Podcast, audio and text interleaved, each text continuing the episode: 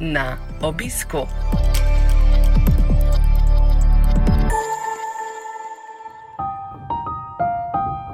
Z veseljem vam predstavljamo novo serijo podkastov na obisku.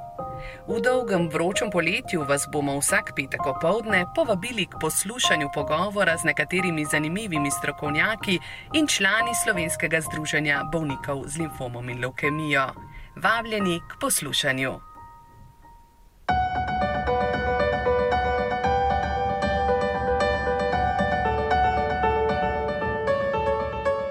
In smo, vsak poletni petek smo se povabili k nekaterim izjemnim posameznikom, povezanim s slovenskim združenjem bolnikov z limfomom in leukemijo. Pozdravljeni zato v malo drugačni epizodi podcasta Na obisku. Kaj so nam torej povedali in kaj zaupali naši sogovorniki? Veliko zanimivega, marsikaj aktualnega, pa tudi kaj zelo osebnega. V pogovorih smo se iskreno dotaknili njihovega dela, posebnih izkušenj, doživeti, zasebnih podvigov, prihodnih ambicij, pa tudi njihovih dragocenih osebnih spoznanj. Podcasti na obisku tudi naprej ostajajo z nami, saj zanimivih sodelavcev in članov združenja ne zmanjka, le da jih bomo odslej pripravljali na vsakih 14 dni. V tokratni epizodi pa osvežimo spomin na naše poletne sogovornike in nekaj njihovih pomembnih priporočil, sporočil, zaves in osebnih izkušenj pri delu s hematološko-onkološkimi bolniki.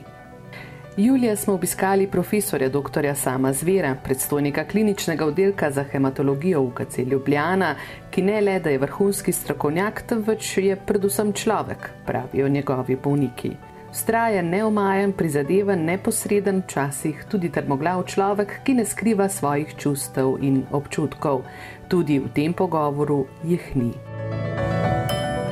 Če ni nobenih uh, skrivalnic, ne, ker jaz res mislim, da je bolnik glavni ne, in uh, bolnik mora vedeti uh, o sebi to, kar vem jaz, ker kaj je drugače smisel, ne se jaz delam za njega na nek način tako kot ne, njegov sužen, v narekovaju, ali pa njegov, njegova uproda, ne, če govorimo o vitezih, recimo nekoč, ki so bili uprodi. In uh, on je resnik življenja. Ne, in, če, mu jaz predlagam neke načine zdravljenja, ki so dosti tudi neprijetni ali pa vodijo celo v smrt, nažalost je tako, da marsikateri naš način zdravljenja vodi tudi v smrt. Potem uh, moram tudi predočiti stvari takšne, kot so. On mora vedeti, da je 15% vrljivost mora vedeti, da je to pa to, uh, lahko druge težave. Meni se ne sme zgoditi, da, um, da um, bi mi dal rekel, ampak če mi pa vi to povedal, se pa jaz za to ne bom odločil. En tak dogodek je tudi, recimo, se, se ga spomnil, zadnji sem ga povedal, ne sari, je bilo tudi. Sem se spomnil, da je bil en gospod mlajši, pa smo ga presadili, pa je imel že enega otroka. Ne, um, bil pa v redu, smo ga pozdravili, alogeno preseditev je imel, brat je bil darovalec. In uh, mi je pa rekel, če sem 4-5 let prišel, ja, veste, se je tole v redu, ne sem hvaležen, pa to, ampak nečesa vam pa ne oprostim. Ne. Niste mi povedali, da ne morem imeti več otrok.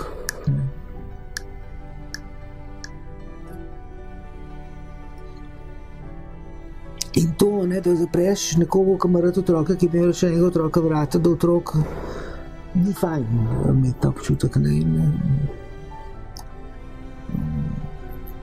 Vse si rečeš, da imaš pa zdravje, ampak ni, ni to, ni to um, vse. Ne, in, um, recimo, ne, in, to si zapomnil.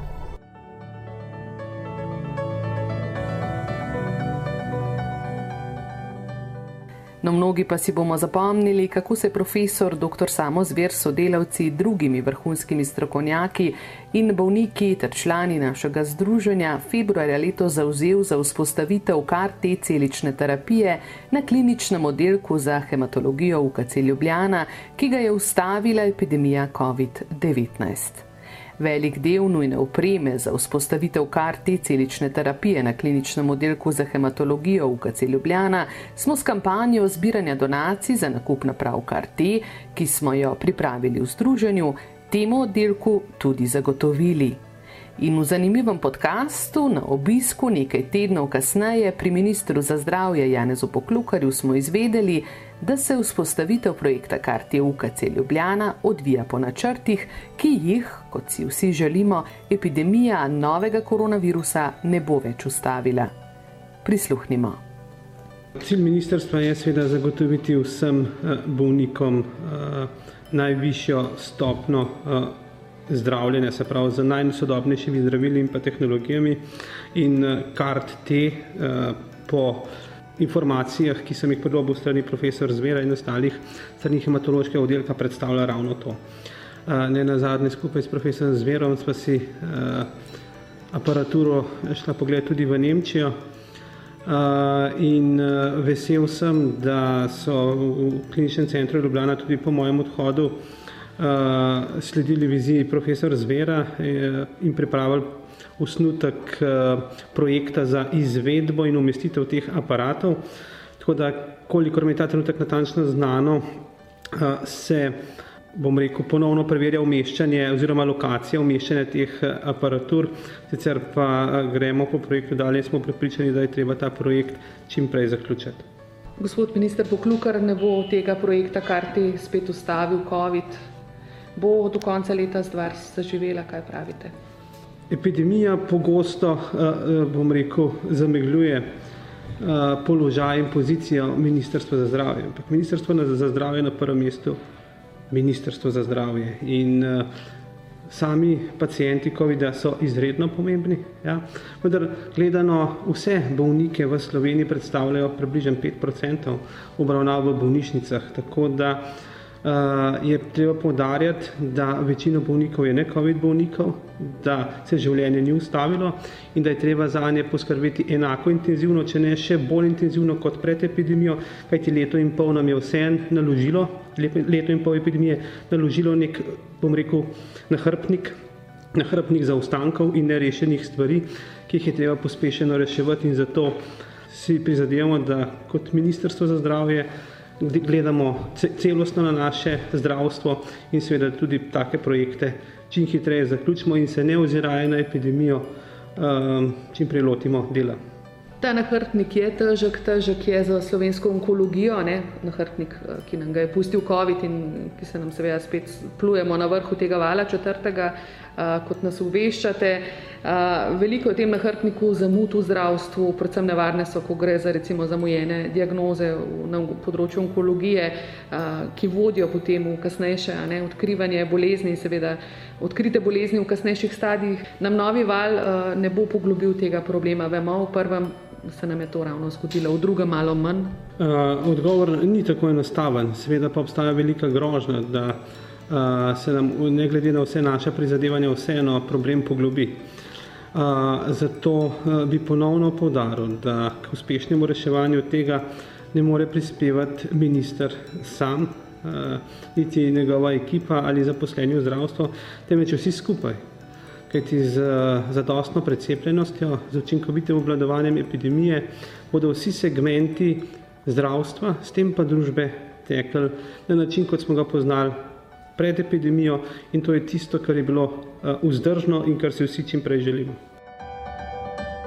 Če imajo hematonkološki bolniki v Sloveniji, podobno kot drugi bolniki z rakom, na voljo res vrhunske strokovnjake in najsodobnejše terapije, pa kadrovske razmere v zdravstvu pogosto niso optimalne, kar je epidemija COVID-19 le še dodatno razgalila na obisku pri sestri Branki iz poliklinike, kot glavno medicinsko sestro specialističnih hematoloških ambulant in dnevne bolnišnice na polikliniki Ljubljanskega UKC-ja, Branko Založnik poznajo bolniki, smo spoznali, koliko bolnikov mora skrbeti res skromen, a povezan tim tankajšnjih medicinskih sester. Se tudi med COVID-om, v bistvu mi smo skozi delali, mi smo skozi, mi nismo se zapirali. Mogoče smo prenaročali v prvem valu bolnike, res ki prihajajo enkrat letno, pa to. Drugače pa drugi bolniki so vsi prihajali, ali so jih zdravniki klicali.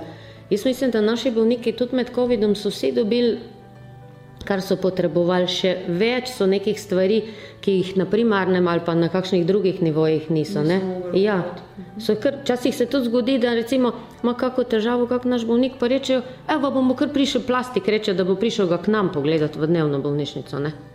Ne vem, jaz fajn je, da se govori, ne na zadnje pa fajn, da se govori, ker dejansko moramo biti videni, slišani in ne vem, ker če kaj želiš doseči, očitno pri nas ne deluje to sam, da si pridn pa tiho, to ne gre. Moraš iti na vzven, žal je tako, žal je tako, no.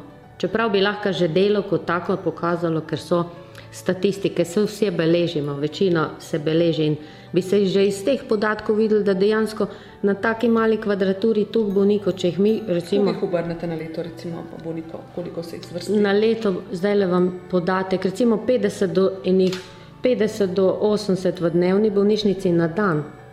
Na dan. Na dan, pa še mogoče čez 100, pa ki zdaj, če tri ambulante, 4-5 ambulant dela, jih okrog 150, če v ambulantnih pregledih, to na dan in to, če na teden pomnožiš to, Vse prejšnji teden ali dva tedna nazaj je bila strokovna direktorica in dejansko je sestro, kolegico mojo dvakrat vprašala, dejansko to dve sestre v dnevni bolnišnici delajo, ker mi imamo v bistvu še svoj odzem krvi in še to ena sestra je na odzemu krvi, dve so kao v dnevni bolnišnici, ena pa planira vsa ta dela in vsa ta naročila. In to je to. In to je to. In dve sestre v dnevni bolnišnici, da toliko ima ena klinika bolnikov. Mislim, včasih je res, včasih se res vprašam, res se vprašam, a kdo to vidi? Jaz vem, da doktor Zver to vidi in da on se neizmerno trudi in da to uh, že vsi vejo, ampak ne vem, vsi imajo neke mrene ali kaj, jaz ne vem. Res. Bolniki vejo. Bolniki vejo, vse bolniki so nam neizmerno hvaležni. Mm da je bolnika treba obravnavati celostno, mu prisluhniti ter si pridobiti njegovo zaupanje, kar vodi v dobro sodelovanje med zdravljenjem, pa meni srčna in sprejmajoča zdravnica profesorica dr. Irena Preložnik Zupan z kliničnega oddelka za hematologijo UKC Ljubljana. Glede, jaz vedno rečem tako, ne, da imamo različne bolezni če govorimo o sodobnih boleznih našega časa, eh, kamor jaz štejem eh, vse rakave bolezni, pa naprimer tudi kardiovaskularne bolezni, pa tudi sladkorno bolezen, pa različne druge avtoimune bolezni in tako naprej. Ehm, to so pač bolezni eh, telesa in duše. Eh, medtem ko, če govorimo pa o poškodbah, ne, tisto pa je trenutno bolezen telesa ne, in ni posledica v večini ne, nekega našega čustvenega dogajanja, razen če smo povzročili pač neko avtomobilsko nesrečo uh, zaradi nekih naših, seveda, miselnih problemov. Ne. Če pa smo so udeleženi na ključno, a ne v neki prometni nesreči in poškodbi, takrat pa je treba pač to pozdraviti in iti z življenjem dalje. Kadar pa imamo neko drugo kronično resno bolezen, ta pa sigurno ni, nastala od včeraj na danes, ampak se je razvijala v našem telesu skozi mesece in pogosto tudi leta. In kaj vse se je med tem časom z nami dogajalo, vse to je pomembno za razvoj teh sodobnih kroničnih bolezni. Tako da je treba ko se enkrat uh, ta kronična bolezen polno razvije, je treba seveda človeka celostno pogledati, če ga želimo resnično pozdraviti, kadar se to seveda da. Ne? Tako da ni dovolj samo, da damo zdravila, pa rečemo, da je, jemljete zdravila vem, dva meseca, tri mesece, pa bo vse v redu. To nikakor ni dovolj. Vedno mora tudi bolnik svoje narediti, če želi, da bo prišel v neko bolj zdravo stanje potem, po zaključenem zdravljenju strani zdravnika. Doktorica Preložnik Zupan je tudi strokovna vodja programa celostne rehabilitacije za bolnike s krvnimi raki skupaj na poti do zdravja, ki bolnikom med in po končanem zdravljenju pomaga nazaj v življenje. Aleša Čerina, našega člana, ki je zbolel za akutno mieloblastno leukemijo, posebej navdušuje fizikalno gibalni modul rehabilitacije, saj je športu med drugim zavezan že vse življenje. Kaj ti to pomeni, zakaj meniš, eh, da je to koristno za te ali pač za koga drugega? To je koristno za vse, to bi bilo pravzaprav koristno za vse. Ne? Zdaj lahko se vključimo eh, bolniki z limfomom, leukemijo. Um, jaz sem že tam v bolniški sobi slišal za, za to društvo, sem dobil materiale, sem dobil neko darilo za Božiču in sem, sem začel potem to spremljati, ne, takrat, ko sem bil dovolj dober, da sem lahko brskal tudi po internetu. In sem vedel, da je to dobra reč, da bazira na teh treh stebrih, ki so prehrana, psihološka podpora, pa telesna vadba. Uh, enostavno sem takrat rekel, da ja, temu sem jaz pridružil nekaj in sem se takoj, takoj začel hoditi na, na, na srečanja, se vključil v program in, in sem strašno zadovoljen s tem. Tako da sem delal take realne spremembe. Ne, sej, v enem predavanju, kot ti strokovnjakinja za hrano govori, se ne moreš vse absorbirati, pa vse vnesti v svoje življenje, ampak nekaj pa zastrižeš z ušesi tam, kjer si najbolj odmaknen od tega, kar bi bilo v redu, da je. Ne, naprimer, in uh, sem kar kakšne spremembe uvedel v svojo prehrano, recimo, ne, tudi na psihološka predavanja um, sem hodil. Uh, posebej mi je bil všeč ta program vadbe z Urošem Koževem, meni je bilo to fenomenalno, jaz bi še zdaj, oziroma bom še zdaj naprej hodil. To je lepo nas vodi, lepo pomaga, da vsakdo nekako zmore, da priredi vajo nekako za več, tiste, ki zmore več, pa tudi za tiste, seveda, ki zmorejo še manj v tej fazi. Tako da to je bilo za me odlično, no, tako, ne, ne sem tako normalno dobro, ampak odlično. Poleg psihološkega in prehranskega modula program celostne rehabilitacije vključuje tudi fizioterapevtsko ter kineziološko vadbo. Slednjo vodi diplomirani kineziolog Uroš Kožar in je, kot smo slišali, odlična. Ja, se mi zdi predvsem vadba, telesna aktivnost dobro tudi z enega vidika. Mi smo danes omenili, da zdravje se stalata prehrana, pa telesna aktivnost. Pri telesni aktivnosti pa pride veliko na plano tudi ta družbena plat. Pravi, za neko zdravje, za celostno zdravje je pomembno tudi, da ima človek, da imamo ljudje neke kontakte, da imamo so ljudi, s katerimi lahko delimo nekaj izkušnje in to se mi zdi, isto ena ura vadbe, idealna priložnost, kjer se malinko sprostijo, delijo kakšno izkušnjo, povejo kakšne težave, Um, mogoče konec koncev tudi za eno uro odmislijo um, težave, ki jih imajo, um, in na tak način se nekako zaključi um, en krok, v bistvu ta celostne rehabilitacije, tudi recimo psihološki modul, ki ga imajo. Mogoče tam neke stvari slišijo, pa jih tukaj lahko šele predebatirajo, premeljajo, povejo, kaj si mislijo in tako naprej. Um, tako da je gotovo, da je to en del, mogoče imajo tudi zaradi tega najrajše, pa raje telesno aktivnost, ta modul, ker je mogoče malo bolj sprostilen. Sem pa tudi že pred leti, ko smo začeli s tem programom, sem imel marsikakšen pomislek. Uh, konec koncev prihajajo tukaj ljudje, bolniki z različnimi diagnozami.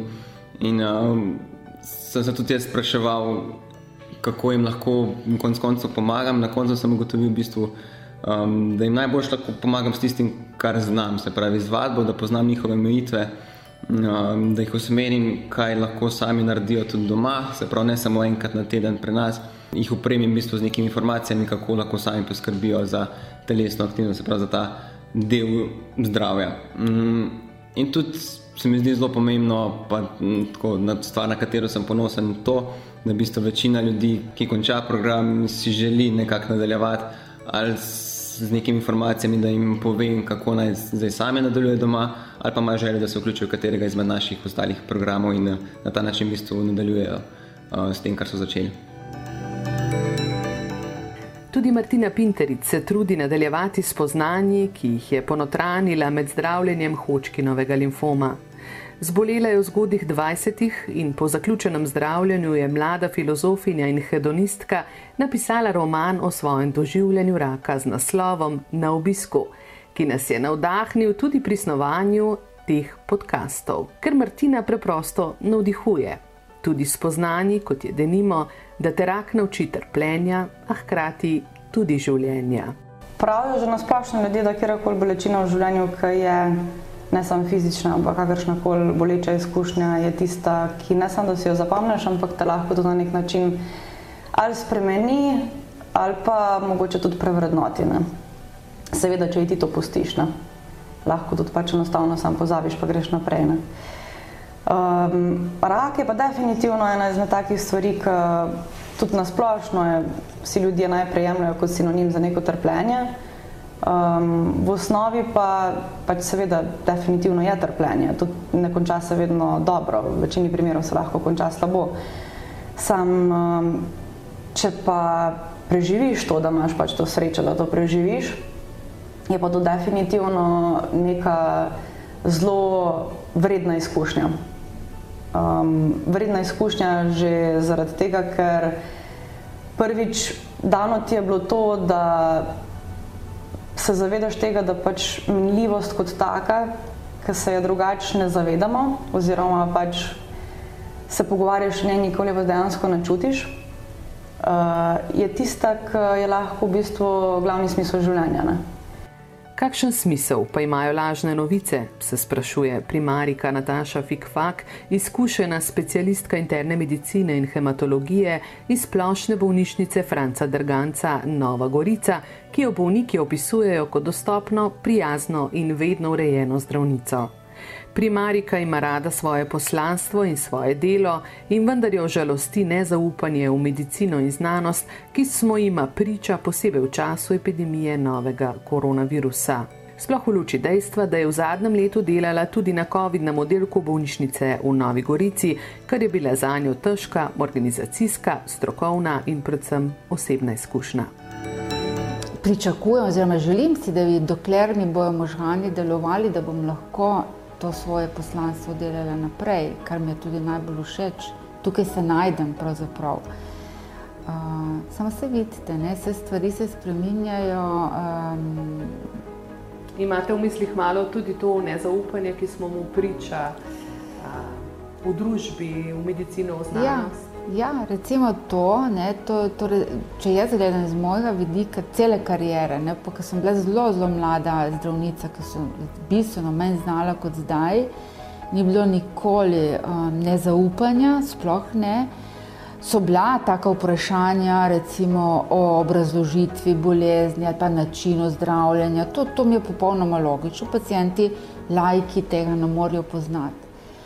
Ampak zdaj, ko se je to nekako razširilo vse, da se um, ne da se samo išče, ampak da se verjame novicam, ki so preverjene. Ne rečem, da ne, tudi po Googlu ali kakorkoli. Ampak lajk jih drugače razume. Morda edino ti lahko sploh razume, ker znanost nam je težko razumeti. Težko je razumeti. Morate vedeti, recimo imunologija, zdaj ko se toliko govori o cepivu, pa MRNA, pa vektorsko, pa cepivo, to cepivo, ono. Recimo, morate vedeti, da mi, moja generacija, še nismo imeli imunologije na fakulteti. To se je zgodilo po letu 85, ko je ta razcvet imunologije, te mikroznanosti in sedaj tudi že subspecializacije in tako naprej. In je bilo meni zelo težko, pač jaz sem bila prisiljena se vključevati v to in veliko, veliko študirati, ker pač sem delala na takem področju, kot je hematologija in še prej reumatologija, ki bazirata obe praktično na imunologiji. In si potem se pustiš zavest v en pogovor z nekom, ki je popolni lajk. Ne? Težko verjamem, da se zdaj niti v srednji šoli ne naučiš toliko imunologije, da bi lahko to razumel. Verjamem, eh, tudi predstojniki nekaterih šol v Sloveniji v resnici uh, imajo, kot smo slišali, malo znanja o teh rečeh, ne? pravzaprav ne povezujejo recimo vzročno virusa in povzročitve bolezni. Povejte mi, primarika, vas to frustrira, žalosti, kako na drugi strani slišite to nezaupanje, kako to odmeva v vaših glavah in v srcih? No, jaz ponavadi iz tistega, um, da sem jezna, ko preberem kakšno tako stvar ali pa ko se soočiš s takim uh, v tem kontaktu, v tem pogovoru, jeza, potem pa žalost. Mislim, kaj smo naredili tako, oziroma kako je sploh do tega lahko prišlo vem, težko bi posploševala, da smo slovenci po karakterju taki nezaupljivi, da v drugih državah tako ni, ker najbrž je povsod v tem trenutku tako. Mogoče na splošno, pa da bi rekla, da je stroka tukaj zatajila, tudi ne morem reči. Zato, ker veste, stroka je avtoritativna takrat, ko je absolutna, ampak absolutnega ni. V medicini, veste, če bi bilo tako enostavno, da bi medicino dal v nek algoritem, bi verjetno to prevzeli že zdavnaj roboti oziroma umetna inteligenca. Jaz sem se naučila v teh letih na, svoj, na pacijentih, da vedno si pustimo odprto pot. Jaz povem pa, če sem vam ponudila to, po mojem znanju v tem trenutku je to najboljše, ker v to jaz tudi verjamem. Seveda, moramo se v dogovoru odločiti, kako bomo naredili, ampak pot k meni je vedno odprta. V slovenskem združenju bolnikov z limfomom in leukemijo zelo dobro vemo. Pa ne le vrata primarike, tudi vrata ostalih strokovnjakov vseh slovenskih hematoloških oddelkov, Ljubljanskega onkološkega inštituta in Zavoda za transfuzijsko medicino. V podkastu pripoveduje izvršna direktorica našega združenja Kristina Modic. Seveda, ne, tudi recimo na Onkološkem inštitutu z oddelkom za limfome, z zdravnicami super sodelujemo. Uh, one sodelujejo pri, stro, mislim, pri strokovnih uh, zadevah našega združenja, ne, uh, se bolniki tudi vidijo na predavanjih, razno raznih in teh srečanjih. Moram reči, no, da to naše sodelovanje z Onkološkim inštitutom, s kliničnim oddelkom za hematologijo UKC Mariborom, se v bistvu z leta, pa z ostalimi tudi splošnimi bolnišnicami, ne, imam občutek, da se iz leta v leto to naše sodelovanje celo krepi, da postajamo kot neki sodelavci. Ne. Um, veliko krat se zgodi, da se na nas obračajo bolniki, rabijo kakšne dodatne informacije, pa jim potem pomagamo tudi mi vzpostaviti stika, ne, ali z, ne vem, da dobijo kakšno mnenje na onkološkem inštitutu ali, ali pač v kliničnem centru. Skratka, in vedno strokovnjaki pristopijo pozitivno naravnano, um, pomagajo, um, veliko prostega časa namenijo našemu združenju. Nikoli ni ne in mogoče bi še to rada poudarila, no, da vsi te, um, vsa ta stroka, ne, vsi ti strokovnjaki z Onkološkega inštituta, z kliničnega oddelka za hematologijo in z drugih bolnic, številne uh, prostovoljske ure namenijo za naše združenje. Uh, mogoče to ljudje tega ne vejo, bolniki tega ne vejo, ampak vse, kar delajo, vse, kar napišajo za bolnike, je to v njihovem prostem času. Tako da v bistvu so oni naši pomembni prostovoljci našega združenja. Ne. Zelo, ja. zelo lepo sodelovanje. To je res, ne? tako kot si rekla, ta teden je bil sploh tako intenziven, ker nov projekt pripravljamo in smo, jo, in ravno te, ki smo jih rabili, so bili na dopustu, ampak ko jim pošlješ sporočilo po telefonu, a ste mogoče na dopustu, ali ste frej, a imate čas sam neki, bi, ja, imam, sem na dopustu, ampak imam čas. Uh, se slišimo, si pišemo, skratka res uh, m, dober občutek. No, uh, in normalno je pol, da če imaš okoli sebe take ljudi, ne, da, da so pa uspešni projekti. Ne. Kateri so novi oziroma prihajajoči? Ja, zdaj um, mi nikoli ne spimo, ne? to je skozi akcija, skozi uh, razvijamo nove in krepimo obstoječe programe za bolnike. Tako da ena velika novost se zdaj le septembra uh, obeta in sicer uh, individualna uh, strokovna pomoč, psihološka pomoč, prehranska pomoč. Uh, seveda bo to um, um, nova spletna platforma. Uh, zdaj, ki je dosti več, zdaj le še ne bi povedala, ker jo bomo predstavili septembra. Um, ampak jaz mislim, da dajemo ven stvar, ki bo sploh na področju psihološke podpore, ki je zdaj res težko dostopna, ali pa lahko rečem, kar nedostopna, ne, um, bolnikom omogočila um, res pomočno. Pa ne samo bolnikom, no, to je še nekaj, ne, mi radi in z veseljem pomagamo tudi svojcem bolnikov, tako da tukaj bojo lahko tudi svojci povprašali, se svojci podprli z informacijami, da bo tudi njim lažje živeti z bolnikom in bolniku pomagati na en primeren način.